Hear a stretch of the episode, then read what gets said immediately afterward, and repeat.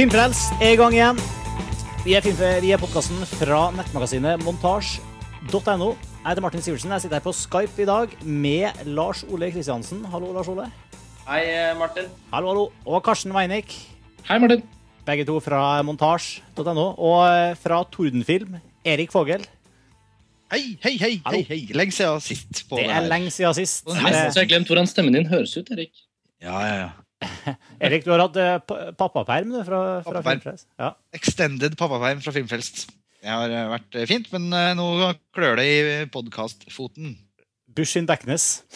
Det har vært en, det har vært en ganske Den har sittet langt inn, den episoden her, for å si det sånn. Vi har stadig vekk avtalt nye opptakstidspunkt og endt med å utsette den. Og kanskje det mest interessante var at uh, sist gang vi skulle ta opp denne podkasten, så skulle vi uh, Da var Karsten og Lars Ole dere var på besøk i Trondheim, og da skulle vi på kino sammen og se uh, Opprinnelig var det Hugo vi skulle se. Ja. Men så ombestemte vi oss i siste liten og gikk for å se John Carter isteden. Med en klar sånn resolutt målsetting om at når filmen var ferdig, så skulle vi ta opp, sette oss ned og ta opp denne podkastepisoden. Og snakke om eh, vi hadde jo også med Sveinung, som skriver for montasje, som bor i Trondheim. Sveinung Vårlangen var også med. Alle stjernene i universet passet sammen. Ja. Nå er Sveinung dessverre i London akkurat nå, men eh, Ja, og, og så så vi filmen, og så klarte vi rett og slett ikke å vi, vi var litt sånn eh, målløse, og vi måtte bare rett og slett ta en øl isteden. Det var vanskelig å motivere en podkast, rett og slett. Ja, for fordi John Carter altså, var, en, eh, en film som, som vi på en måte Ja. Jeg, jeg føler liksom at vi gikk inn i kinosalen med de beste intensjoner om å eh, virkelig kose oss med en eh, Ja, med en eh, action, sci-fi eh, Et eventyr, rett og slett, da, i kinosalen. Liksom, jeg føler i hvert fall at jeg gikk inn med veldig sånn åpen innstilling. da. Og, og ble rett og slett så utrolig skuffa. Mm. Over å ha sett en film hvor det, en, eh, hvor liksom det er åpenbart det pøste ut enormt mye penger på en eh, film som med utrolig svakt manus, eh, skikkelig uinspirert design, dårlige spesialeffekter, platt skuespill. sånn- Et sånn ordentlig makkverk. da. Jeg vet ikke hvordan dere reagerte. Jeg innbiller meg at det var mye av det samme. Vi snakka jo litt om det etterpå. Men liksom, vi følte oss ikke i stemning til å sitte og liksom lire av oss eh, utsagn om filmen i en podkastepisode. Men nå har vi liksom fått fordøyd filmen litt. Hva, hva, hva tenker du, Karsten? Nei, det, det var en veldig god beskrivelse av hvordan vi tenkte på filmen da vi gikk inn. For Mm. jeg tror vi alle hadde plukket opp at den hadde litt skjelvende bøss, og det har vært mye liksom, snakk om høyt budsjett, og kan det bli en av de store liksom, måte katastrofene rent sånn økonomisk da, fra Hollywood og er masse masse greier. Men til slutt så Jeg følte at i, i, i uken frem mot at den hadde premiere i Norge og resten av verden samtidig, så, så ble det liksom litt sånn oppløftet av ganske positiv kritikk. Og, så det du beskrev der, var akkurat sånn jeg følte det òg. Men det var jo ingen av oss som, det var jo ikke noe sånn at vi hadde noen sånn lynsjestemning etterpå. det var jo ikke egentlig sånn, Alle hadde hatt sin opplevelse. Ikke snakket med hverandre underveis. Jeg fikk ingen følelse av hvordan deres Men jeg bare kjente selv at denne filmen bare er genetisk mislykket. Liksom Helt inn til kjernestrukturen. Og da vi alle var så enige om det, så var det jo på en måte Vi var nesten redd det kunne, kunne liksom bli en av de verste podkastene ever hvor, hvor på en måte ingen har noe å diskutere med hverandre, for alle er bare helt enige. Mm. Og det har jo gått noen uker, men jeg, jeg kjenner jo at den den står ikke veldig sterkt. Det skal sies at Lars Ole og jeg endte opp å se en enda dårligere film på Kosmorama, som, som ga et lite skinn av lys tilbake til John Carter. jeg, skal, jeg tror ikke vi skal bruke så mye tid på det, men uansett så, så sitter jeg jo bare med en følelse av at, at, at det gikk feil veldig tidlig da, med John Carter. Jeg, vil bare si at Vi skal ikke bruke hele episoden her på å snakke om John Carter. Vi skal Nei, snakke om ganske mange filmer. faktisk. Vi skal snakke om eh, egentlig en sånn, eh, vi skal sitte og pludre en time eller en og en halv time om filmer vi har sett i det siste. og Da kommer vi til å være innom en fem-seks titler minst. Men Vi var vel enige om å snakke om de filmene vi har sett de siste seks månedene, var ikke det? Ja. Liksom timesetter, eh, du, du har fått sett to filmer de siste seks månedene. Erik. ja, ikke sant? Så jeg, jeg skal holde kjeft. Men perspektivet ditt om at, om at podkasten ble litt utsatt, startet jo med John Carter. Ja. Så, det, et, eh, nei, så jeg syns fremdeles den er fryktelig, fryktelig mislykket. Og litt trist hvor dårlig den er, egentlig. La, Lars Ola, har du hatt sjansen til å fordøye opplevelsen? Ja, jeg har ikke fordøyd noe bedre enn noen av dere andre, tror jeg. Jeg syns at uh, Det var en veldig trist film, rett og slett. Det, var ikke, det er en av de filmene som jeg, jeg prøver å tenke tilbake på. Så tenkte jeg, men var det noe som var, kanskje var litt bra, eller var det én scene, eller Sånn som jeg og Karsten så også en veldig dårlig film om søndagen som het 'Brass of the Titans'. Um, og, som også var veldig svak. Men den hadde liksom et par scener som var så kule at, at den likevel ikke ble totalt bortkastet. Og utrolig nok så ender faktisk eh, John Carter med å bli akkurat det, på tross av Pixar-regissør Andrew Stanton, som tidligere har laget eh, Oppdrag Nemo og Wally. og Wall-E, eh, som er helt fantastiske filmer. Det, det er liksom, det, dette er liksom kanskje en av filmhistoriens største fall eh, i forhold til eh, hvilket nivå han har vært på tidligere. Han mestret rett og slett ikke å lage en sånn type film. Eh, Min, e, den ene tanken som gjallet inni hodet mitt når jeg var ferdig med å se filmen, var at Oi! Star Wars Episode 1, The Phantom Menace av George Lucas. Ja. Det er faktisk en virkelig god film. Litt krydra Nei, med nei, litt nei, sånn nei, nei, nei. Jo, det er så ille, Erik. Men den, lign- den minner jo litt også om episodene. Og den minner litt om Stargate, og den minner litt om veldig mye. Men Ja, det minner jo særlig Ja. om uh, Phantom Menace fordi pga. den derre sandfarga estetikken, som er veldig kjip. Og den har en podrace-sekvens, og den har noen sånne uh, ve masse sånne vesener som minner om noe George Lucas uh, kunne ha designet for sitt uh, for de nye for de Star Wars-prequelene. Men det er likevel faktisk utrolig mye dårligere. Uh, man kan si mye vondt om de Star Wars-prequelene. Jeg liker det jo Ja. sikkert litt bedre enn en gjennomsnittet. Men, men der er det i hvert fall en slags Det er en slags fortelling, og det er i hvert fall ikke kjedelig. Det er underholdende. Det er ganske dårlig. Bortsett fra den siste, som er bra. Men, men, men, for at Phantom Menace, altså den, Ja, den er dårlig. Det er ikke så mye vakkert å se om den filmen. Men den er jo ikke kjedelig. Når jeg, når jeg var 13 år, så så jeg den jo liksom 5-6-7 ganger på VHS. John Carter. Eh, terskelen for å se den en gang til, den er så høy at eh, Ja, nei, det kommer ikke til å skje. Det var fryktelig trist film, rett og slett. Jeg skal se den, og nå skal jeg også da gå inn med de laveste forventningene i universet. Ja, det kommer ikke til å hjelpe, da. Det er det som er litt det som er dumt. jeg, jeg tror ikke vi får sånn, eh, sånn clashback, eller hva det heter. Altså, jeg tror ikke du kommer tilbake og sier liksom bare reject the hatred. Liksom at du, at du, at du kommer tilbake og virkelig liker en eh, etter, etter det her. Altså, Det er jo en film dere virkelig ikke anbefaler meg å se, så Nei. kanskje jeg skal bruke eh, tida mi på noe annet. Ja, jeg tror det. For det er ikke en sånn film man liksom Å, fy faen, jeg hata John Carter. Den var så jævlig Den er ikke der heller. Ikke ah, okay. retten til. Men, ja. men, sørge. Clash, nei, unnskyld, Wrath of the Titans, mener jeg. Den er jo da også en film som er høyt på lista mi i forhold til forventning. nå. Eh, Fordi jeg var faktisk en av eh, dem som syntes den første var skikkelig morsom. Eh, den er Jeg så den jo da ikke i 3D. Jeg så den på et fly i Kloppa 4-3 og hadde det kjempemorsomt. Da snakker vi om Clash of the Titans. Da snakker vi om Clash, ja. Nå kommer Wrath, og den er kjempe Finne noe, fant noe, noe, noe artig i den. Altså, det er jo en dum, stor tullefilm, men uh, det kan jo være veldig gøy, det. Ja. Jeg vil si at den er på nivå med den første filmen. Som ikke jeg syns var så veldig bra. Um, Nei, men det, jeg, tenker, jeg, jeg vil jo ikke liksom egentlig putte ordet bra på den Nei, første, nei. heller. Men nei, jeg kosa meg. det, er noe, det er noe litt Ja, men det er, og det var derfor jeg også hadde veldig lyst til å se denne nye. Uh, for Den første var liksom litt sånn det, det verste med den var jo at den var konvertert til 3D, og jeg skulle aldri sett den i 3D, selvfølgelig. Så litt på Lars Oles forslag òg, siden han ikke syns det er så behagelig med 3D 3D-effekten i det hele tatt for øynene sine, så gikk vi på 2D-versjonen av Wrath of the Titans. Selv om den er mer tilpasset 3D, denne her versjonen. da. Men eh, nei, det var jo mer av det samme, for å si det sånn. Et litt kulere supermonster enn i den første. Kulere enn The Kraken, liksom. Ja, Det var veldig fett, det monsteret. Men det er likevel to av fem stjerner, på en måte. Det er jo utrolig tømmerstokkskuespill. Og, og den hadde, det, det som jeg var mest skuffet over med Wrath of the Titans, var at den, på tross av at den er basert på greske myter og guder og alt dette, så var det liksom, føltes ikke som den hadde noe reell story. Eh, som i det hele tatt eh, Altså, det var veldig sånn sekvens til sekvens. Nesten ingenting som skjedde. Um, Men er det- det er bare action. jeg, har ikke sett den første, så Men det er jo, det er jo liksom laga for eh, elleveåringen i oss alle, er det ikke det? Jo. uh, Ja, men, men, men er, er ikke John Carter også det? Er ikke, var ikke det også en barnefilm? Det føles litt som en uh...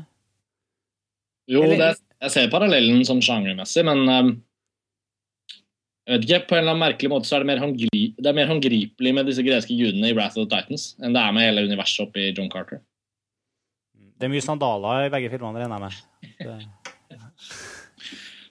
Jeg husker dere snakket om, eller vi snakka om Thor på Filmfrelst. Ja, Eh, og dere var så utrolig skuffa over den. Ja. Og, s- altså, og så husker jeg at da hadde ikke jeg sett den når vi hadde episode om den. Og så, så, og så snakka dere om den der totale mangelen på selvironi. da. Eh, og Det er liksom, det er noe jeg syns i hvert fall Clash of the Titans hadde i bøtta og spann. altså Den der selvbevisstheten på at den var en, en skikkelig drittfilm, på en måte. da. ja. Eh, uh, og, og som skal bare toppe ting for hver sekvens. Og med mest mulig kaos og, og store, store opptrinn.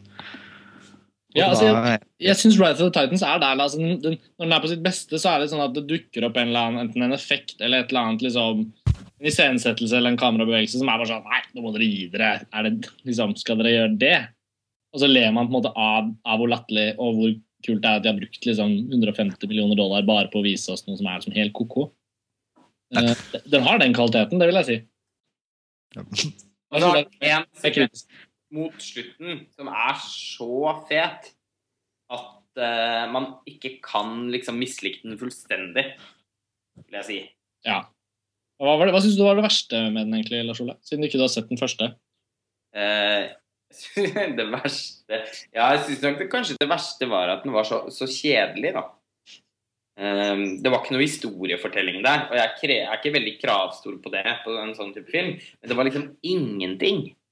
Nei, for det var det. Det var utrolig dølt. Det var liksom ikke det var liksom egentlig som skjedde, skjedde som var liksom ja, men du, i John Carter, hvor det er veldig mye historiefortelling, så er det fortsatt veldig dølt. Ja, men der var jo alt i feil rekkefølge og dårlig. Altså sånn, Det var jo så jævlig.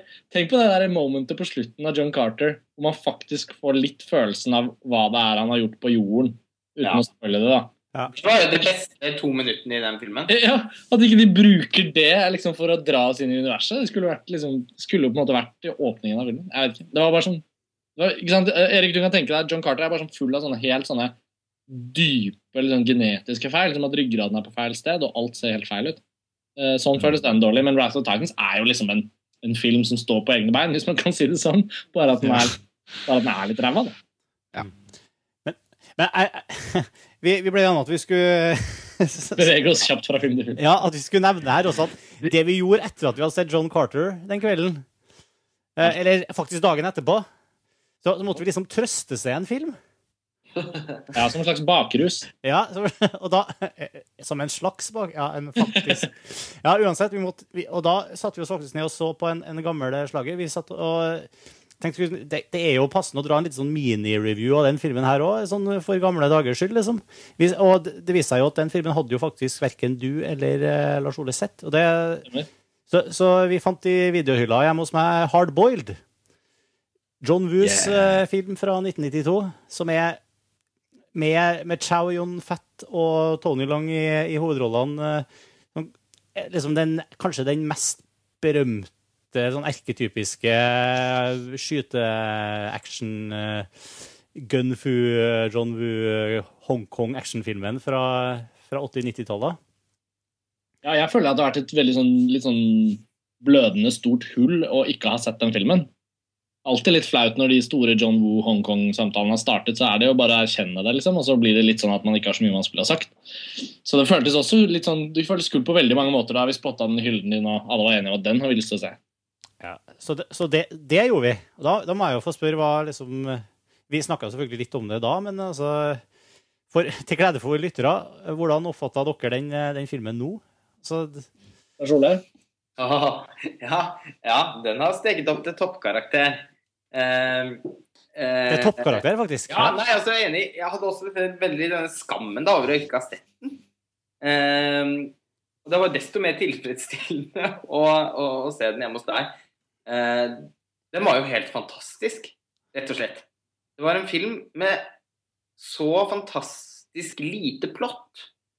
eh, det, det var liksom ikke noe som Det var ikke historien og karakterene og Det var liksom aldri så viktig, fordi det var så mange avsindig fete actionscener hele tiden. Og det var så mye som skjedde i filmspråket. Altså, det var freeze frames og, og Med fade. kinetisk klipping. Altså, det, var sånn, det var en sånn energi i filmen fra første scene som minner om liksom Martin Scorsese, rett og slett, eller Spike Lee. Um, og med så ufattelig mange kule skytescener. Jeg tror aldri jeg har sett en film med, hvor man har tenkt så kreativt rundt hvordan man kan skyte andre mennesker. Og så er det så flott at de aldri går tom for disse Kul, kulene. Kunsene, Ja, og kuler går aldri tom for kuler, eller aldri tom for det småfolket som skal bli drept. Det synes jeg er så fint. Løper alltid inn noen nye i rommet som man kan skyte på. Det må jo være bodycounten. Det må jo være helt utrolig. Men, men, synes- men han bruker også veldig mye tid på det du sier han ikke er så, så- som er så viktig, ja, øh, Lars Olle? På karakterer, og på plott, og det er mye skikkelig Ja. Klisjéscener med høyt melodramafaktor og satt til liksom øh, saksofonmusikk og Ja, men nettopp. ikke sant? Det er saksofonmusikk, og det er så utprega cheesy at det blir skikkelig fint. Og mm, 80% av den filmen var jo skyting. Og som sagt, eh, noe eh, mer eh, kreativ mer kreativ iscenesettelse av skytesekvenser i en actionfilm tror jeg ikke jeg har sett. Ja. Den var helt vanvittig. Den holdt på i over to timer. Og den var aldri kjedelig. Eh, Den var så spennende å følge med på hele tiden. For å, fordi man var så spent på hvilke grep han ville gjøre i neste sekvens. Ok, nå har han prøvd det. Hva skal, hva skal han gjøre nå? Ok, da kjører vi en long take. Sånn fem-seks minutter. Hvor ytterligere 40 personer blir skutt i fillebiter. Eh, og så er det Og den, den sekvensen er jo liksom filmhistorisk fra Hardboil. Ja, og den har jeg faktisk sett før. Eh, men eh, og, og så skal man kaste en baby ut av vinduet som må reddes. Altså, det var en helt vanvittig film! Kjempebra! Ja, jeg Jeg kan, jeg kan komme med en uh, saksopplysning. Det er 307 personer blir drept i den filmen. Ifølge moviebodycounts.com. Er til sammenligning så er altså 307 i Hardboiled eh, 1992 versus eh, eh, Commando uh, har bare, bare 88. Ikke sant? Bare for å sette det i perspektiv. Ja, det er er lenge siden du har sett den, Erik? Ja, altså den er jo faktisk, det slår jo meg. Den er 20 år eh, gammel, den hardball. Og det som sitter i huet mitt, er sykehussekvensen. Det er liksom, den, eh, liksom det store klimakset i filmen. Som, det er liksom bortimot det eneste jeg husker. Og det er bare bilder og bruddstykker. Det er kjempelenge siden, men den er jo fantastisk. Og coverbildet her er jo også Tryon Fett med baby på armer og gunner og Det husker jeg det VVS-coveret. Et par kamerater av meg som hadde den. Fikk alltid lyst til å se den, ble aldri til det. Men, men du, du, du sa det etterpå, Lars Ola, at du fikk litt sånn, eh, litt sånn skitten eh, følelse av at det, det her er det foreldrene våre eh, reagerte på når vi drev og snakka om videovold på, på i gode gamle dager, for å si det sånn. Det her er Ja, det var en skikkelig sånn Det var det. Man fikk fornemmelig sånn god, gammeldags videovold. Det var veldig den filmen så jeg en kjellerstue hos en kamerat. Det var viktig at man så den før foreldrene kom hjem fra jobben. Eh, og, det, og fordi den var så drøy òg, da. De liksom skyter i stykker psykisk utviklingshemma. Babyer utsettes for helt sånn ekstrem fare. Mistes i bakken omtrent. Altså, den, den var jo veldig drøy, da. Mm. Og, og, men det er ikke noe, det er ikke noe negativt i det. Men, uh, men man blir jo litt sånn ho. Skal den gå dit? Og den gikk dit eh, hele tiden. Det var, det var utrolig fett å fylle et sånn type filmhistorisk hull også, fordi jeg fikk jo ekstremt mersmak på mer av det. da. Eh, Det som foregikk liksom i Hongkong fra midten, slutten av 80-tallet og inn på 90-tallet, før, før folk som John Woo og som ble kjøpt opp holdt jeg på å si, av Hollywood og sluttet å lage film i Hongkong. Men det, det var liksom en sånn gyllen periode for nå føler jeg liksom at i hvert fall sånn big budget kinesisk film er jo ofte disse historiske filmene. 'Snikende tiger, skjult drage' har nesten liksom ødelagt litt en type sjanger, føler jeg. Sånn, I hvert fall i forhold til hva som kommer til Vesten. da. Shang Yimo eh, slengte seg mildt sagt på den eh, bølgen. Ja, ja. Jeg likte også veldig godt John Woo sin eh, Red Cliff, som var litt, også litt i Ja, den den, er, den er ikke så dum, faktisk. store, episke Den har, ikke, den har ikke jeg sett, men jeg har slitt sånn med fordi den versjonen som er tilgjengelig her hjemme, er jo den her. Sammenklippede versjonen. Og jeg tenker at hvis jeg skal se den, så har jeg lyst til å se begge versjonene. Så har det aldri blitt til at jeg liksom har kjøpt de, de to i sin helhet, da. Men har det, hvilken versjon er det dere har sett? Altså den lange. Jeg har sett den lange, men jeg har bare sett del én. Men den var jo avsluttet. Eller den føltes avsluttet, eh, i hvert fall. Sånn som jeg Men det er jo en helt annen på en måte, stil. Men det er ganske artig å se etter en film som Hardboil og liksom se hvordan liksom, den, alle de stilelementene er liksom videreført i liksom, det store Hollywood-mesterverket, om vi får si det, etter John Woo i, som, liksom, i, i Face-Off. Ja, ja. Du har liksom så mye av disse, altså hvordan det er sånn finpolert og Hollywood-innpakka, men fortsatt er det liksom de samme sånn superteatralsk eh, Ja, poesi, liksom, i, i actionpoesi. ja. Den skal jo ikke glemmes, Face Off. da. Det er jo en av 90-tallets beste actionfilmer. Jeg syns den er helt glimrende. Den har liksom mistet litt sånn status, føler jeg. Ingen som snakker om den lenger. Det var, det var så lenge vi Ja, det så det ble jo veldig Det var jo veldig oppmuntrende å se hardball. Altså jeg, som jeg sa litt i stad, men jeg fikk også lyst til å liksom se de der gamle actionfilmene igjen. da. Ikke bare fra Hongkong, men sånn Face Off og Speed og og sånn. Actionfilm pleide å være bra. det. Ja, og det er jo det som slår oss når vi sitter og ser det her i nye Vi snakka jo om det i sist podkast òg, eller når var det? Hvilken film var det vi Vi snakket om det da vi snakket om den der hyper-action-estetikken som har kommet eh, Ja. Jeg husker ikke hvilken Om det Det var var kanskje, kanskje i sammenheng med Mission Impossible, muligens. Ja, ja Nei, det var ikke det. Det var før det en. Ja. Uansett hvordan, eh, hvordan vi liksom Ja. Actionfilmer handler mest om å, over, om å gjøre mest mulig spektakulære ting istedenfor å være, vær drivende god. Men Det finnes jo eh, noen hederlige unntak. da. Jeg må jo nevne den filmen som in, i, altså i forhold til action, eh, som internett i hvert fall har snakka mest om det siste halve året. eller så. Den indonesiske filmen The Raid. åh, den har jeg hørt om. ja, den har jeg også hørt om. Den er veldig Den- forsto jeg det sånn at ikke enda har norsk distribusjon? Um, det her høres ut som en sak for distribuer distribuere denne-redaksjonen ja, vi i montasje. Den er foreløpig bare en film. Den er er på kino i USA nå, selvfølgelig, så hvis man er der, så kan man få sett den. Den har jo gått uh, Yes. seiersgang til festivaler. Den har det. Eh, Men den heter ikke lenger The Raid. Den heter The Raid kolon Redemption. Ja, det gjør den. Nettopp. Eh, fordi eh, Ja, det er opp- den skal, skal, Det var flere grunner, men regissøren sa i et intervju at det handla om at de faktisk ikke fikk registrert copyrighten på tittelen The Raid, fordi det var en, eh, om det var en 60-tallsfilm eller noe sånt som het det samme. Så de var nødt til å forandre tittelen. Og da tok de liksom til å lage en sånn kolon etter enda for å kunne også signalisere at de skal lage flere filmer. En trilogi, ser det ut som, etter suksessen med den første. Ja. Men det er jo da da Nei, ja. Nei, altså det, det er en film som, som kom fra et sterkt uh, altså, altså det er et radarpar da, som er stjernen og regissøren. Regissøren er Jeg tror han er, om ikke britisk eh, eh, Eller kanskje irsk-britisk, tror jeg. Som bor, men han bor på Filippinene, tror jeg. Men så har han laga denne filmen her i Indonesia. Nei, jeg husker ikke hvordan det var. Men han og hans stjerne, hovedpersonen i The Raid, i hvert fall, eh, de har også laga en film før som ble lagt merke til som heter Merantau. Eh, som det også bør, eh, også bør sjekkes ut. Eh, som på en måte viser den her kampsporten som eh, også er med i The Raid. da, Som er en indonesisk eh, slåssestil. Som jeg ikke husker i farta hva heter. Men sjekk trailerne for den filmen, altså, hvis ikke dere som hører på det her, har gjort det. det og anmeldelsene har jo vært glødende.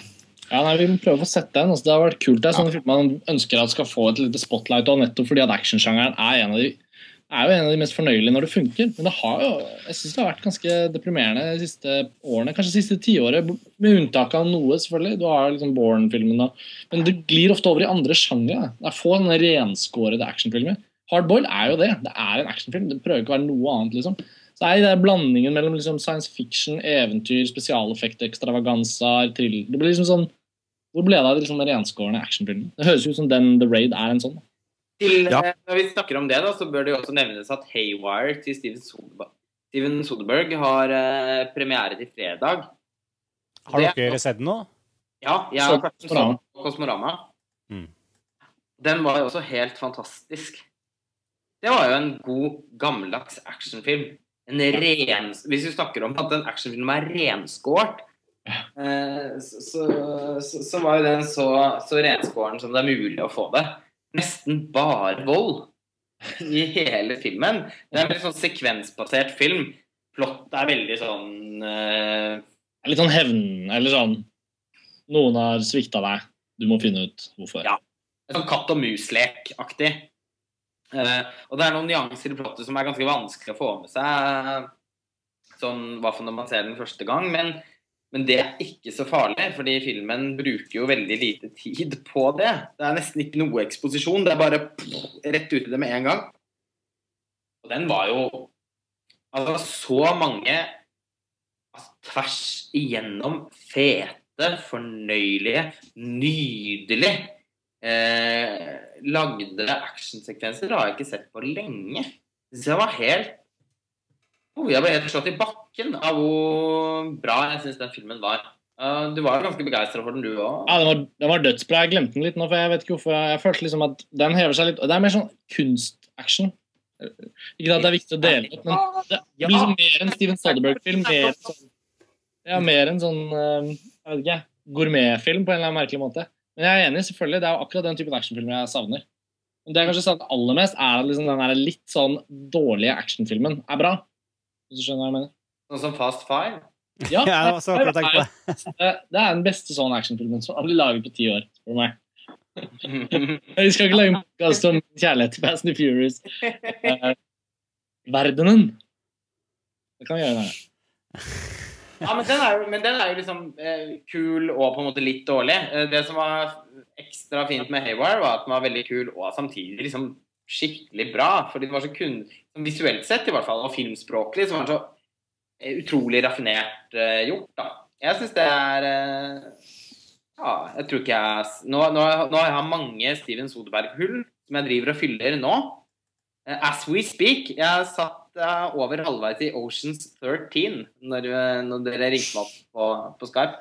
Men så for min del jeg tror jeg mest beste Steven Soderberg-filmen jeg har sett. Ja. Det høres selvfølgelig kjempedrøyt ut, da. Men jeg syns det var helt uh, For en film! Den skal vi skrive mer om på montasje. så vi trenger Ja. Ja, det er mannen der. Synd at ikke han klarer å lage mer enn to filmer i året. altså. Eller fire, som det var på et tidspunkt. Ja, da kommer den der strippefilmen til sommeren, gjør den ikke? Magic Mike. Jeg klarer, jeg klarer ikke å følge med på den lenger. Ap ap apropos actionfilmer. Jeg så eh, Colombiana nettopp eh, for ikke så lenge siden. Eh, Det var en film som sto på lista mi som jeg skulle se i fjor, egentlig, men som, som endelig bare kom rundt til nå. Er det noen andre som har sett den? Jeg har ikke fått se den. Nei, OK.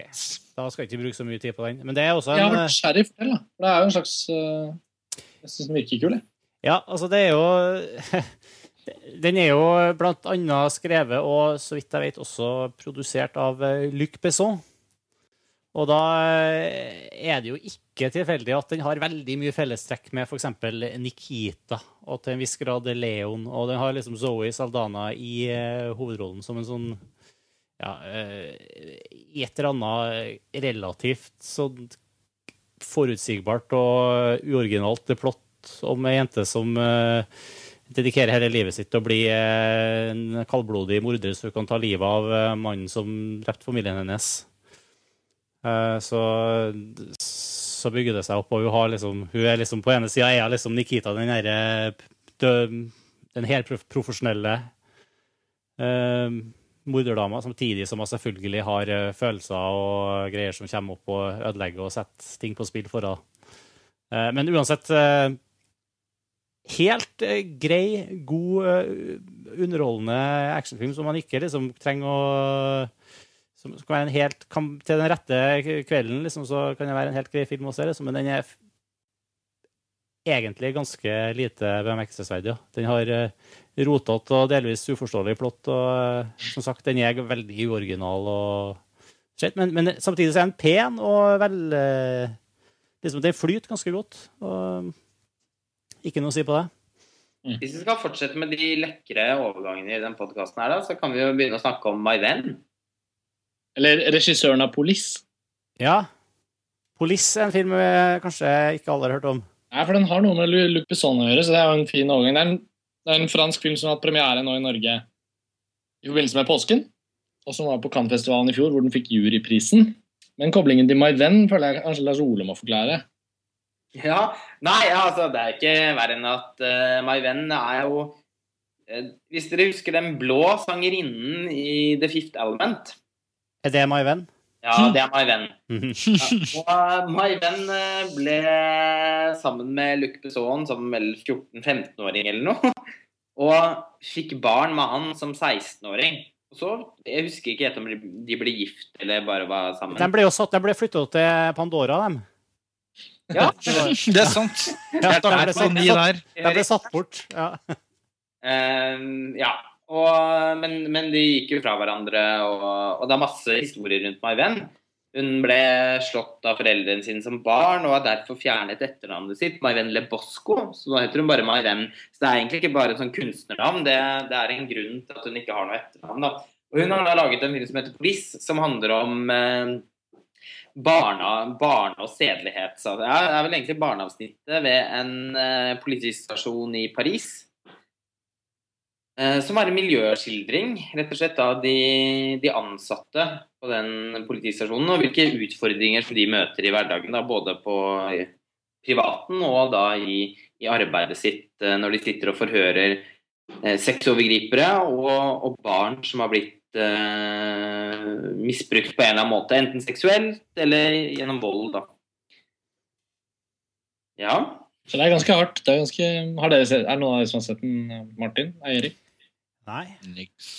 Det er, det er en veldig bra film. En sånn film som du må bli fortalt at det er bra, og overbevist om at du må se. Og først da så ser du den. Jeg, ser den, jeg så den bare pga. Lars Ole, egentlig. Fordi du fikk sett den på Filmfest Oslo. Mm. Eh, Og jeg hadde helt avskrevet den. Jeg husker jo selvfølgelig at den var i Cannes og sånn, men det var nok det, var, det er så irriterende Eller i ettertid, siden jeg var Men den er kinoaktuell nå, ikke sant? Ja, den er kinoaktuell nå, men sånn, en sånn film som liksom bare For meg ble litt sånn fordomsfullt avvist på Cannes-festivalen. Jeg ser liksom Ja, ok, greit, så, så ser, det greit ut, men så bare lar man den gå, for det er så mye annet å velge. Så jeg, jeg kjente det, det, det fins liksom veldig få sånn overfladiske årsaker til at det er en bra film. Det er en film som er helt avhengig av gode kritikker og at folk forteller andre hvor bra den er. Så det er litt kult å snakke om nå, fordi da vi så den, eh, Lars Ole, det var andre gang for deg, da. ja. Så var det jo nesten utelukkende fordi du hadde sagt den var så bra, men når du først sitter og ser den, sånn som jeg opplevde, så var det bare helt sånn Etter, etter ti minutter så For den, det er sånn det dundrer på, liksom. Fra første scene så er det sånn masse franskmenn som snakker i munnen på hverandre, og masse dramatisk som skjer, og så er man kjempeinvestert i, det, i filmen. Og det slapp jo ikke tak over hodet. Og den har noen veldig spesiell sluttscene som, som jeg syns var helt perfekt. Så liksom fra begynnelse til slutt så er det bare sånn sånn intens eh, Helt superintens, men også morsomt og liksom empatiske altså sånn, Relasjonene er liksom jævlig, men eh, empatiske, og det er liksom politifolk som jobber drithardt for en sak de tror på, men så blir de også dårlige mennesker på hjemmebane, og så er det Alt bare blandes veldig sammen og blir veldig sånn menneskelig. Så øh, virkelig en av de sånn sterkere filmene i mer sånn dramasjangeren som jeg har sett på, på, på lenge. Den er helt, eh, den er helt utrolig og, på, på sine premisser, den filmen. Eh, Det er på en måte egentlig en liten film. Som, som Karsten sier, det er ikke noen sånn overflatisk årsak til at, man skal, til at man tenker at det er en film man absolutt må få med seg. Men det er faktisk en av de beste filmene så langt i år. Den er, eh, det er, det er sånn driv og energi over hele filmen. Den er fantastisk bra spilt. Av Ja. alle, kjempestort ensemble. Masse barn. Masse barn eh, og ungdommer og og instruksjonsjobben må ha vært et helvete. Det har det tydeligvis vært. My venn hadde jo sånn intervju på Filmbonanza her denne uka, forrige uke som var ganske morsomt, fordi hun syntes at alt var så utrolig trist og fælt under innspillingen med den filmen. Men jeg kan skjønne henne, da. Det har sikkert vært en kjempestor utfordring å klare å sy sammen dette her. Og jeg tenker at hvis det var en pris hun skulle fått i Cannes, så var det jo faktisk egentlig regiprisen. Fordi som en, det er rett og slett en regibragd, syns jeg. Å få alle Så utrolig nydelig spilt, den filmen. Og, og som du også sa, da, Karsten, så er den så, så gjennomgående menneskelig. Den viser også mennesker i all uh, vår feilbarlighet uh, og vår skjørhet. Den, eh, det er ingen av rollefigurene i den filmen som er sånne filmkarakterer. De er mennesker, på godt og på vondt. Mm. Og det er noen Filmen Det er en sånn film som har så mange sterke enkeltsekvenser at det blir vanskelig å velge. Det blir vanskelig å trekke fram noe, fordi det er så mange ting som, som stikker seg ut av helheten, og som lager merker igjen. Da. Man, man kan liksom ikke forlate den filmen uten å bli veldig berørt og veldig merket av den, rett og slett. Og den tar opp kjempevanskelige temaer, samtidig som den er veldig lett. Den, eh, kanskje pga. dette energinivået i formspråket. da. Lett er jo kanskje Mm, ja. Altså lett, ja, Jeg skjønner hva du mener, men det er på en måte må misforstå. altså Det er ikke, det er ikke lett tematikk. Det er ikke lett, det er ikke lett nei, nei, nei. dramatikken, for det skjer så mye på en gang. Men, eh, men jeg skjønner hva du mener, for det, det er liksom at menneskene er så genuine med hverandre at det er utrolig lett å forstå at det er dramatisk rundt dem, selv om det, selve dramaet er veldig sånn veldig berørende da, og kan være litt rystende underveis. Ja, den er ganske rystende. Den handler jo om hovedsakelig veldig mørke ting. Men det, men det jeg mener med at den er lett, er liksom at den, den er øhm, den er veldig medrivende å se, og den er på noe vis Og misforstår ikke det begrepet i denne sammenhengen, men den er ekstremt underholdende. Den Ja, altså den, og den er morsom òg. Den er kjempemorsom. De, og det er ikke bare sånn svart galgenhumor oppi alt. Den er også liksom virkelig morsom. Hun lager noen, setter opp noen, noen situasjoner som, som er ment til å være morsomme, og som lykkes. Og så blir de avløst i neste sekvens av liksom noe av det mest hjerteskjærende tunge man har sett på lenge. Og så går de tilbake til altså Den veksler mellom veldig mange stemningsleier hele tiden. Og det å få til det, eh, og, og få sydd det sammen til å føles som en helhet, det er, virkelig imponerende. Og jeg er også enig med Karsten da, at den slutten, og den ser jeg Filmen har jo fått litt lunkne kritikker i norsk dagspresse, i hvert fall. Som jeg syns er fryktelig synd. Fordi Arthouse eh, distribuerer veldig mye merkelig, og, og fra tid til annen også ganske kjedelig, substansløs, uh, ubetydelig film. Dette her er en viktig film som alle burde se. Det burde blitt satt opp skolevisninger. Det kan du helt sikkert gjøre. Ja, ja, det tror jeg nok. Av. Og eh, det er Ja. Jeg setter Polis på C-lista mi, i hvert fall. Gjør det, men, men Martin, du husker vi snakket om klassen, ikke sant? Ja, det husker jeg godt. Og den er jo liksom den derre Når jeg tenker på klassen tilbake liksom noen år siden, så kjenner jeg liksom at den filmen Den var liksom, den var liksom Selv om den også var liksom røff, og det var all den dialogen Altså disse ungdommene liksom Bra film. Men den var også såpass liksom Jeg vet ikke, på en måte Ikke polert, men den var liksom så fin og rund i kantene. Den klarte liksom å summere opp ganske greit, og så var liksom filmen over da den var over. Men Police er en sånn film som er liksom sånn Den har litt sånn kaktushud. Sånn at på en bra måte, sånn at du liksom kjenner at selv om selv om, selv om den også oppsummerer, så har liksom tatt fortellingen veldig sånn, nesten sånn sesongaktig eh, narrativ, så stikker det ennå. Og det er sånn ubehagelig å tenke på menneskeskjebnen i den filmen som jeg forestiller meg at det fins versjoner av. Jeg har det mye mer sånn med polis enn jeg har hatt det med Klassen. Og selv om Klassen fikk gullpanne og kanskje er en mer anerkjent film sånn rent sånn skjematisk, så kan jeg ikke se for meg at den kommer til å holde lenger enn polis, sånn i det store bildet. da. Nettopp fordi. Police har det der litt sånn, der rugg, litt sånn ubehagelige ved seg. Den er litt rufsete og den er litt ujevn, og det er noen sekvenser her som kanskje ikke funker like bra. Eh, Men, men det var veldig fint bilde det du sa. at Den har litt sånn kaktushud. Og det gjør at man hele tiden må liksom eh, peile seg inn mellom disse stikkende piggene, da. Og, Mm. og, og finne det liksom myke innimellom, og så går man ut. Og den er sånn berg-og-dal-bane av en, en film. Den er veldig interessant, egentlig. Eh, Jeg tror, tror også den kommer til å få et veldig langt etterliv. For Mm. de som ser den, i hvert fall. Og det håper jeg blir mange.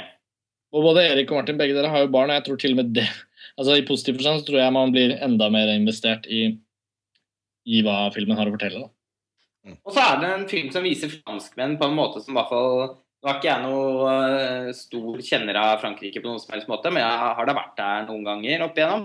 Og jeg biter meg alltid merke når jeg er i Frankrike, at, at franskmenn er veldig sånn barduse i måten de snakker til hverandre på. Folk snakker ikke sånn som de snakker i Amelie eller i filmene i positiv forstand, altså til Francois Truffaut. Eh, de er veldig sånn brautende. Og, og det kommer kom veldig tydelig fram i, i, denne filmen. Det føles ut som den fanger eh, mennesker, og da franskmenn, da, på en måte som er veldig sann. Kjempebra film! Alle må se den. ja, det føler. Nå brukte vi litt tid på det, men det, det er faktisk litt viktig å si. Ja. Erik, det er bare å stryke John Carter for lista og sette opp på Ja, den har jo rykka ganske kraftig ned egentlig allerede. men du, du, er nysgjerrig Jeg vet jeg nå, altså, Men jeg vet jo at en annen film som både du, Karsten og, og Lars Ole er veldig begeistra for, som dere lurte meg til at vi ikke skulle se da vi gikk og så John Carter, for vi skulle jo egentlig gå og se Hugo. Ja, og så gikk vi og så John Carter isteden. I siste liten ombestemte vi oss. Og den har jo dere snakka varmt om før, i hvert fall du, Karsten, på, på Filmfrest. Og det er jo skrevet varmt om den på montasje, og vi har hatt uh, Scorsese-uke og greier. Men Erik... Veldig kjekt å ha en sånn rød tråd gjennom podkasten. At vi kan hele tiden referere tilbake den gangen dere ja. egentlig skulle se John, og så ja. med John Carter. Og så, alt, så ble det sånn plaster på såret hardboiled, og det ble Ja, ja, vi må ha, vi må ha noe hooks. Ja. Det var veldig bra. Men uh, fortsett. Det var bare en uh... Nei, men jeg er litt nysgjerrig, for at den uh, det, i den røde tråden filma som Karsten og Lars Ole varmblodig anbefaler. Men Erik, du har også sett Hugo? Ja, jeg så Hugo, men jeg så den jo da ikke i, uh, på kino. Jeg men Erik, før du fortsetter, du, du, høres veldig rar ut. Jeg tror du må trekke ut og inn. Ja, det er vel helt vanlig. Ja, Ut og inn med USB-pluggen. Sa brura. Ja. sånn. Uh, nei. Ja, la, la. Der, ja. Der er du tilbake. Ja. Hugo. Jo, jeg så den på VOD, og ikke på på, på, på, kino. Og det angrer jeg egentlig litt for, siden det er en film som handler om film. Du så den på Apple TV? Ja. ja. Uh, og det tror jeg kan være årsaks, uh, en del av årsaken til at jeg syns den var veldig bra, men ikke, herre, ikke den herre fantastiske filmen som, uh, som fl opptil flere i montasje har, har, ment at den er. da. Du syns det mangla liksom en dimensjon? Nei, jeg syns den var fin og flott, og dessverre fort glemt. Uh, for min del. Altså, enkel historie, godt fortalt, men ikke noe eksepsjonelt. Men jeg vil gjerne høre liksom hva den herre Hva er det som gjør den så ekstra bra for dem som liker den ekstra bra, da? Jeg, jeg, det med en dimensjon sa jeg selvfølgelig for det er en film som får veldig mye ros for 3D-bruken. Som jeg regner med ikke du klarte å få med deg på, ikke stua mi, nei. nei.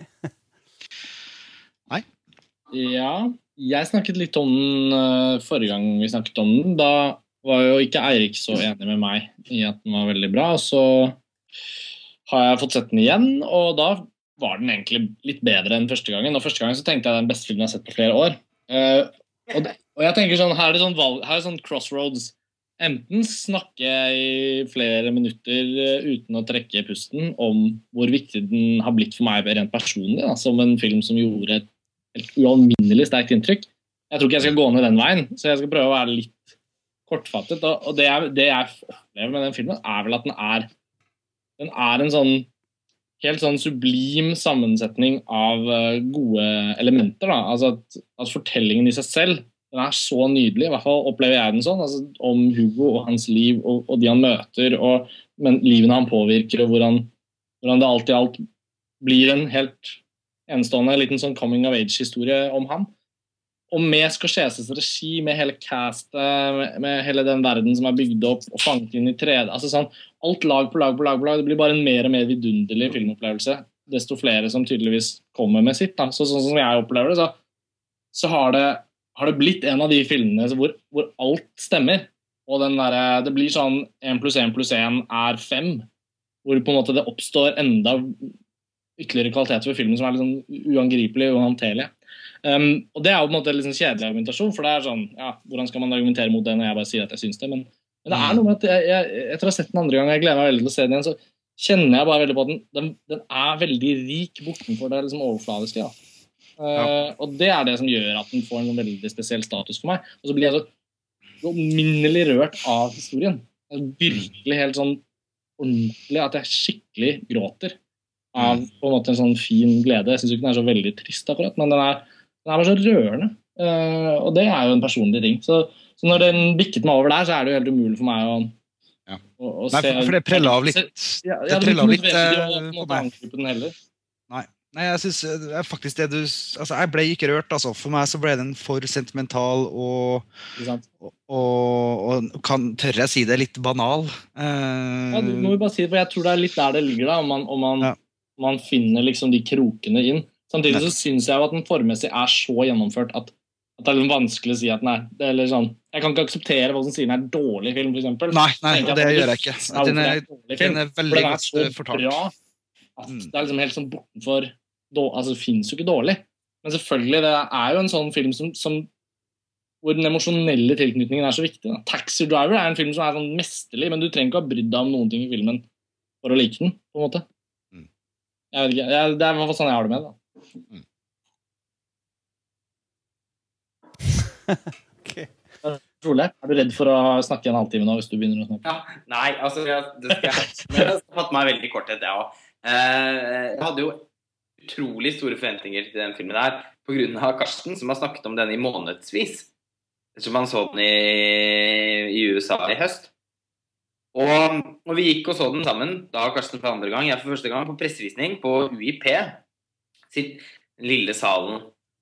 Uh, og, og, som sagt, forventningene var sånn i høyspenn, så det var nesten det var i hvert fall vanskelig å tenke at opplevelsen skulle overgå de, de, forventningene, men det tror jeg kanskje at den gjorde, altså.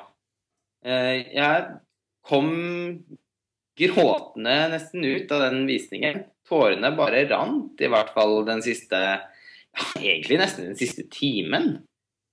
Jeg syns den var dypt rørende. Eh, og det handler noe om, tror jeg, at hvis man har en eh, ikke, den, ikke, den skal ikke utro...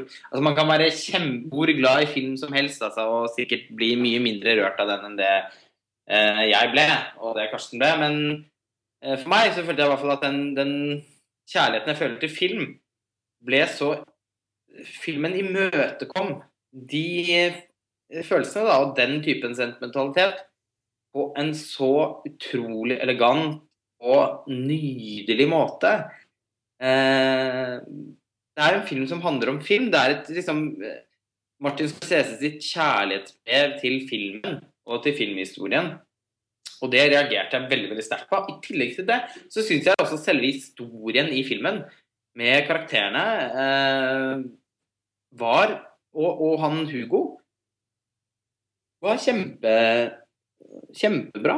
Altså, jeg syns at Den er riktignok enkel, men den er, eh, den er, ikke enkelt fortalt, egentlig, syns jeg. Den er Martin Scorsese virker som han hele tiden lager det beste ut av alle scenene i hele filmen. Eh, så man, Det tok veldig kort tid før jeg ble ganske overveldet av den. Estetisk sett er den jo helt fullendt. Um, Robert Richardson sitt foto har en sånn bronseaktig lys. Eh, og det satt sammen med Dante Ferretti sin scenografi. Han har bygd denne togstasjonen. Så fikk jeg nesten sånn Han har jo også scenografien på, på, på Once Upon a Time in America. Og av en eller annen grunn så, så minnet meg om den filmen. Det var en sånn stofflighet i estetikken der som jeg ikke hadde forventet, og som ikke kommer til syne i traileren i hvert fall. Man, så, så drit i de. Eh, man må virkelig bare gå og se og oppleve den filmen på så stort lerret som overhodet mulig. Den har en sånn klassisk kvalitet ved seg, syns jeg. Den, har, den, er en den minner om de virkelig magiske fortellingene. Den har en fortellerglede som er, som er veldig sjelden. Eh, å se den filmen var litt som å lese liksom, Matilda Roald Dahl for første gang. Når Matilda går inn på biblioteket, oppdager bøkenes verden med alle disse forfatterne Den hadde den kvaliteten. Det er liksom vanskelig å argumentere for den på en rasjonell måte. Det er bare noe jeg føler, som jeg føler veldig sterkt. Den sånn, Så mange andre lignende altså filmer, Det er ingen filmer egentlig som ligner så veldig mye på den, men filmer som er litt i det samme sjangeren fra de siste årene, faller liksom til bakken. da i, i sammenligning med Hugo. Eh, Det var eh, Det var sånn Charles Dickens møter Roald Dahl i en veldig, veldig skjønn forening. Og med Martin Scorsese sin mesterlige formspråk, så det var et, et mesterverk. Jeg kan ikke finne noe annet eh, dekkende begrep å bruke, egentlig.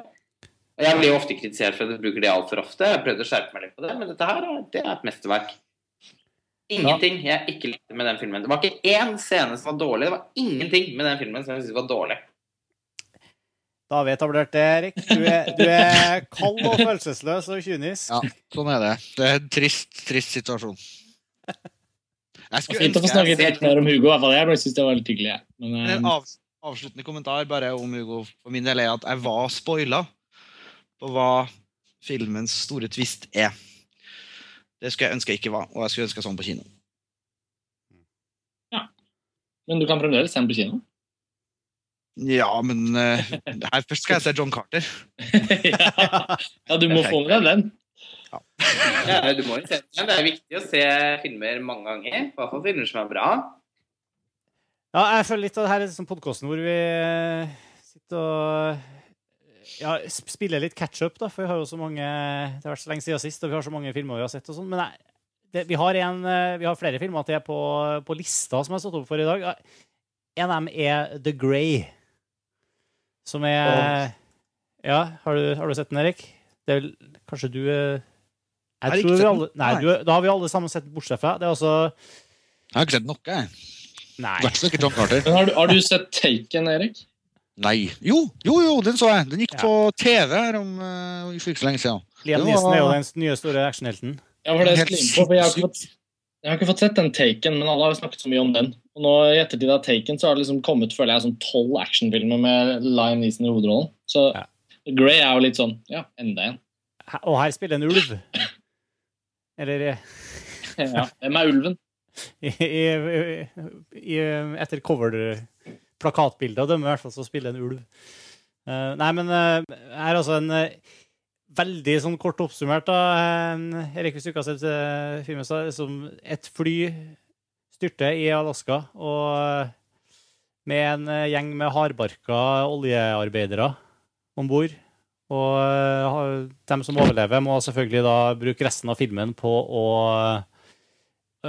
kjempe for livet mot en, en eh, Hva heter det? En pack med ulver? En, hva heter det? Et kobbel med ulver? Eller en, eh, En ulveflokk. en ulveflokk, heter det. Mm. I isø og snøøde. Det er på en måte rammene for filmen. Og det her er vel kanskje, eh, bare for å si det, sånn for min del det er kanskje, Jeg syns Liam Neeson passer minst like bra i den rollen her som den uh, i, iført eh, anorakk og eh, polfarerbekledning, skulle jeg si, og litt uh, en sånn type film enn i uh, Taken. Da. Jeg, jeg likte den her mye bedre enn jeg likte Taken, da, selv om Taken hadde sine øyeblikk. Men uh, Lars Ole? Jeg kunne ikke vært mer uenig, tror jeg.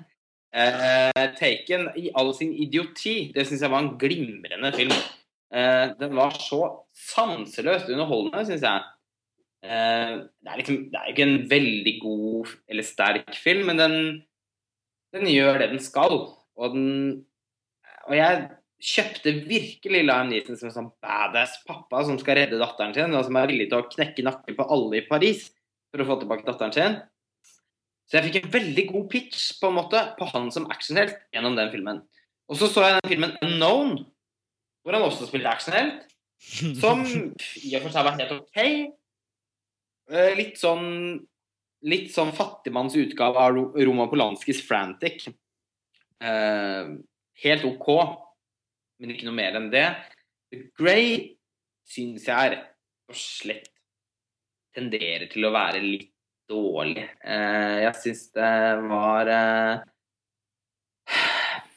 Altså, det er vanskelig å liksom peke på sånne konkrete svakheter i filmen. Den er helt greit gjennomført. eh, Den har, sånn, den, den har en litt sånn forsert estetikk. eh, Med litt sånn kornete og det, sånn, sånn styggvakker estetikk som jeg syns er litt overgjort i den filmen. Men det er jo ikke ok. Jeg, jeg, jeg skjønner at sikkert mange vil synes at det ser ganske bra ut. Og den har en litt sånn Nesten sånn piknik med døden-aktig eh, setting. Men den, det som gjorde den veldig svak for meg, var at jeg syns den var kjedelig. Ble aldri Kan noe engasjert i ja? Ja, altså, jeg kan peke på hva jeg syns er dårlig med den. For jeg er helt enig. Jeg, jeg synes den er veldig Jeg ikke, jeg likte veldig godt estetikken. Jeg syns liksom den er litt sånn eh, avmålte, litt sånn nedtona stilen funka veldig bra. Men Det var ikke så nedtonet, den stilen, syns jeg. Det var sånn korn som rimlet foran i bildet. OK. Ja. Jeg så ut som et sånt forsøk på å gjøre Mathieu Libatic-foto. Som, som i og for seg var helt greit, men jeg, jeg ble litt sånn lei det etter en halvtime. Ja, Det er bare veldig min mening. Jeg tror ikke det er så relevant. Det hørtes ut som en sånn sur, gammel krigsperson.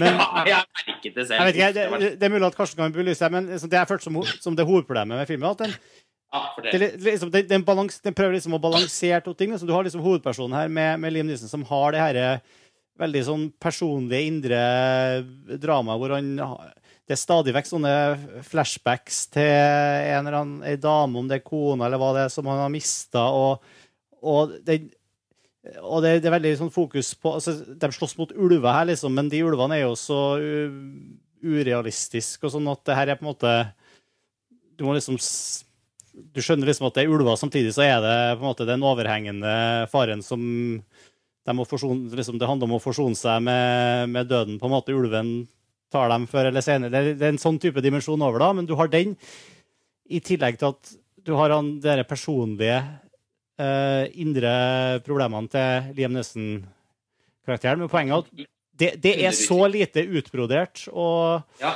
og, og så uklart og så diffust at liksom, enten burde vi fått mye mer av det, eller så burde de liksom ha droppa det helt, føler jeg. For at, for at det, sånn som jeg sitter i filmen nå, så, så er det bare litt sånn Det, det føles litt sånn hult og overfladisk, da. Måten det det er liksom bare klistra på for å, for å gi filmen noe litt mer enn å være en sånn overlevelsesdrama-action-greie. Det er uheldig, tenker jeg. De, de burde heller tatt det helt vekk. ja, e- eller, eller enda mer, da. Nei, det tror jeg ikke. Ja, ok. Ja, men i hvert fall, sånn som det er nå, så, så er det en dårlig balanse. Det, det er en litt sånn det er en, Ja, for å bruke ordet, det er en kjedelig balanse, sånn som det er nå. For at, for at det gir så lite.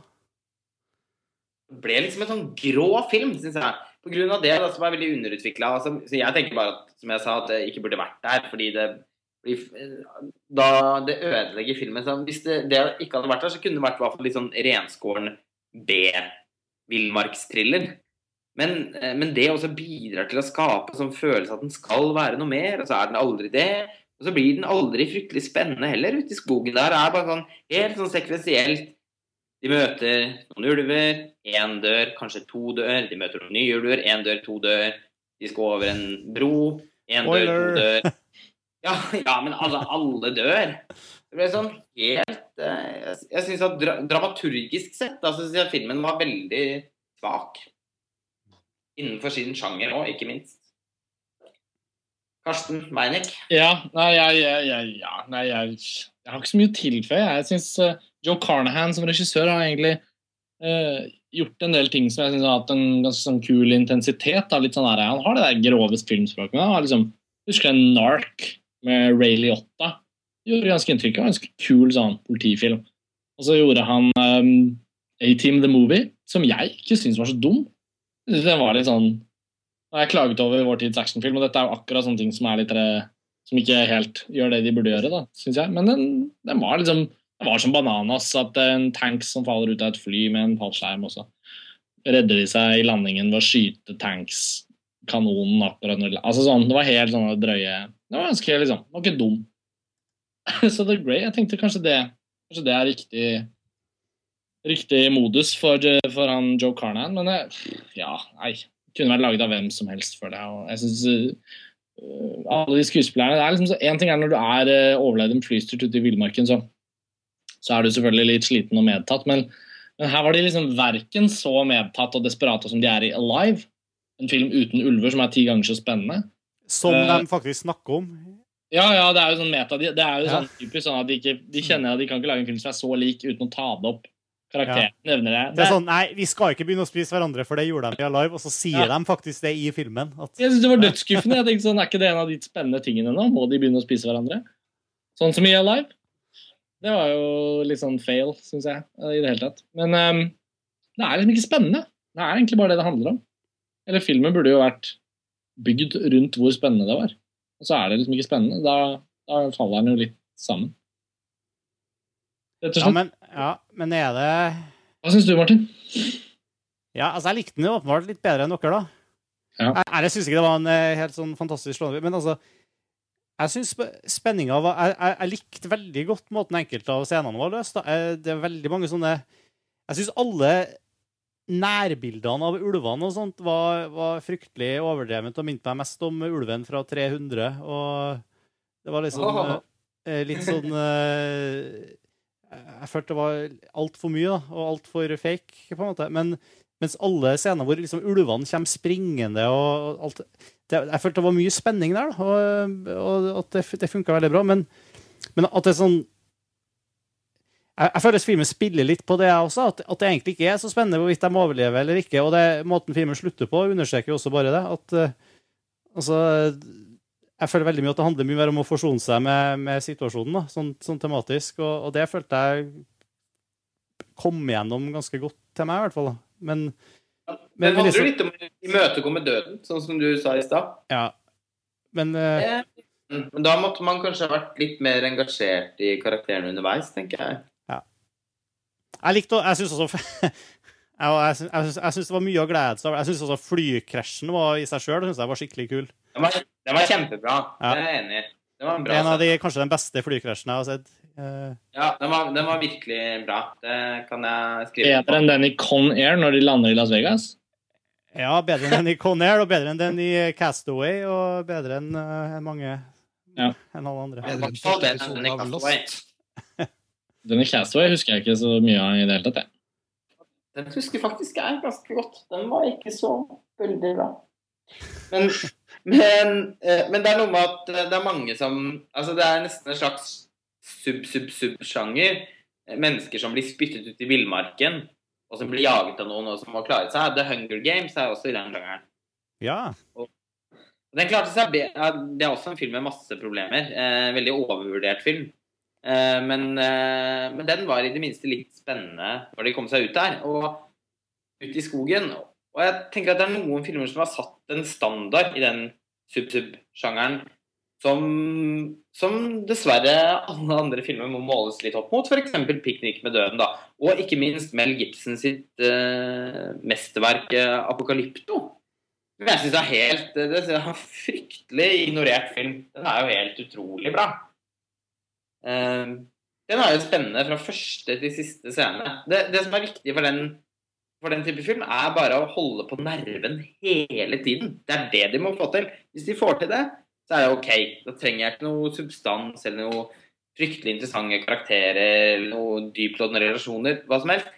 Hvis de klarer å holde på en sånn nerveintensitet gjennom hele fortellingen, så er det helt OK. Det syns jeg ikke The Grey gjør. Nei. Men Se hele Apollo enda en gang. Hva syns dere om den, forresten? Apokalypto? Mhm. Mel Gibson? Ja. Jeg likte den kjempegodt. Jeg, men jeg, jeg, jeg klarte ikke umiddelbart å trekke så mange paralleller, men uh... Nei, altså det er litt sånn vag eh, Det er sikkert litt vagt, da. Men, men det er jo også mennesker som løper rundt i skogen med folk Ja. jaktende etter seg. Pantere istedenfor ulver. Det er jo litt sånn samme type film på én måte. Ja, det er Men jeg, Det ja. ble stille. ja, ja, Apokalypto er jo kjempebra, men den handler liksom om så jævlig mye mer, syns jeg.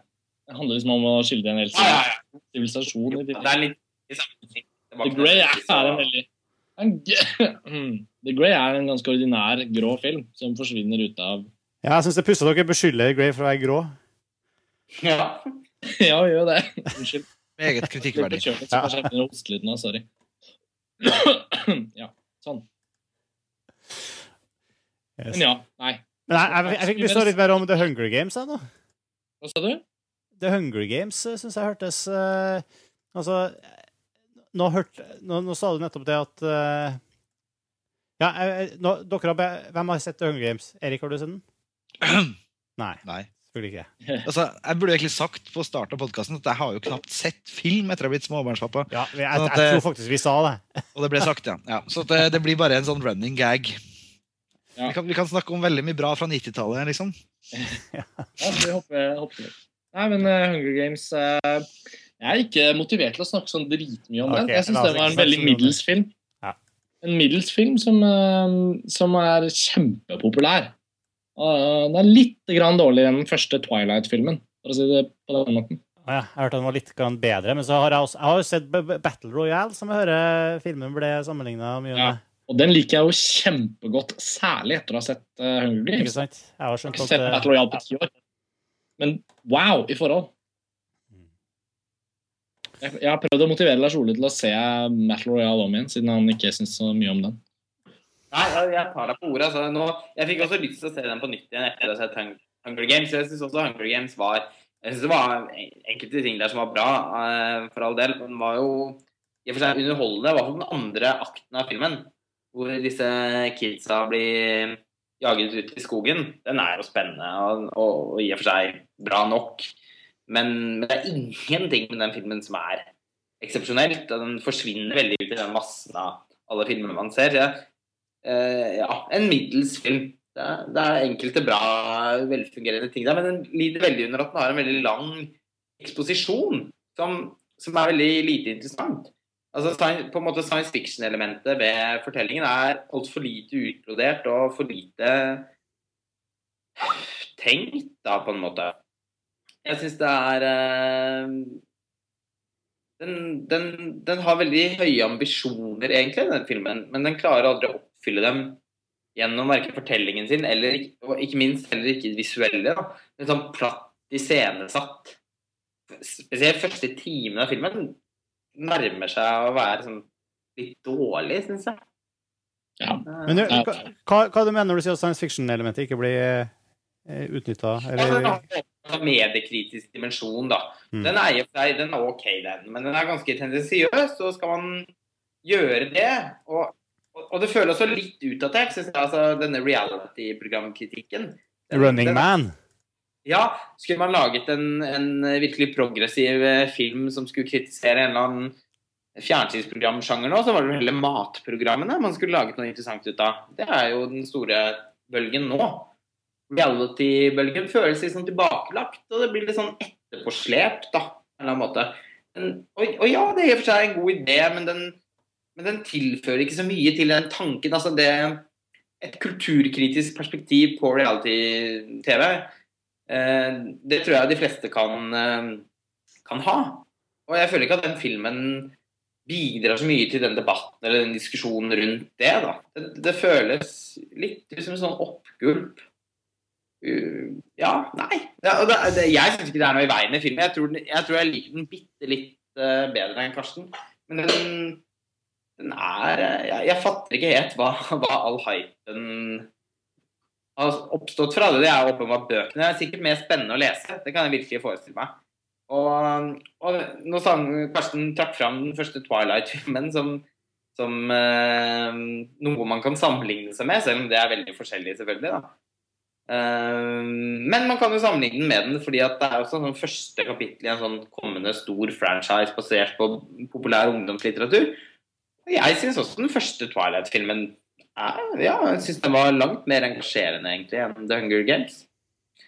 Jeg er jo blant de som liker den første Twilight-filmen. Jeg syns den er ganske bra, faktisk, i sin sjanger.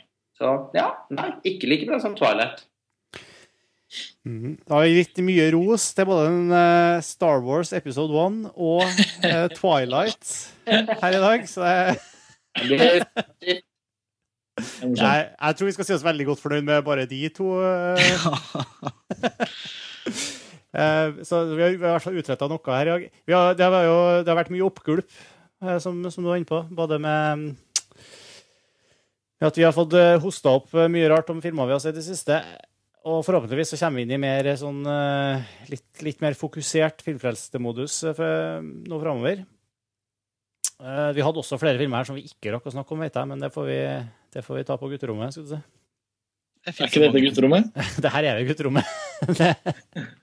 Men vi er uansett tom, tom for tid i dag. Mm. Ja, men jeg følte vi fikk kommet gjennom en hel del. Det har jo vært et litt sånn, en litt sånn propp, ja. At ikke Ja. det har fått Uh... Det er liksom, jeg merker veldig at vi har liksom hatt behov for å sitte og prate om de her tingene. ja, litt. Jeg jeg har i hvert fall notert meg Police som min eh, store takeaway fra i dag. Ja, og du, jeg håper du tar deg tid til å se Hugo på kino, Martin. Ta med deg Altså, jeg mener eh, din eldste sønn er mer enn gammel nok til å se den. Seks år. Det, er- det er Hugo-alder. Det er jo ikke noe skummelt i filmen. så Det er jo ikke, det er jo ikke sånn at Det er mer det der selvfølgelig at ikke alt er like lett å forstå, da, men eh, Nei. Han var, han, var, han han var på kino med SFO i dag og så den Ardman-piratfilmen. Jeg ble skikkelig misunnelig da jeg hørte, jeg hørte det. Jeg hadde jo så lyst til Da ble jeg så misunnelig merket jeg. den har jeg dritlyst til å se. Mm. Ja. Men uansett, det har vært skikkelig kult, eh, folkens. Vi sier takk for uh, laget i kveld. Uh, Sjekk innom montasj.no og diskuter uh, filmene vi har snakka om i dag, under uh, artikkelen som hører med episoden her, eller eh, kom med innspill til hva vi bør prate om framover. Eh, vi er tilbake forhåpentligvis om eh, kun eh, om en uke eller to med en ny Filmfest-episode. Det må vi. Det må vi. Det skal ikke gå en og en halv måned neste gang. Takk for i dag. Det gjør vi. Ja, takk, takk. Ha det.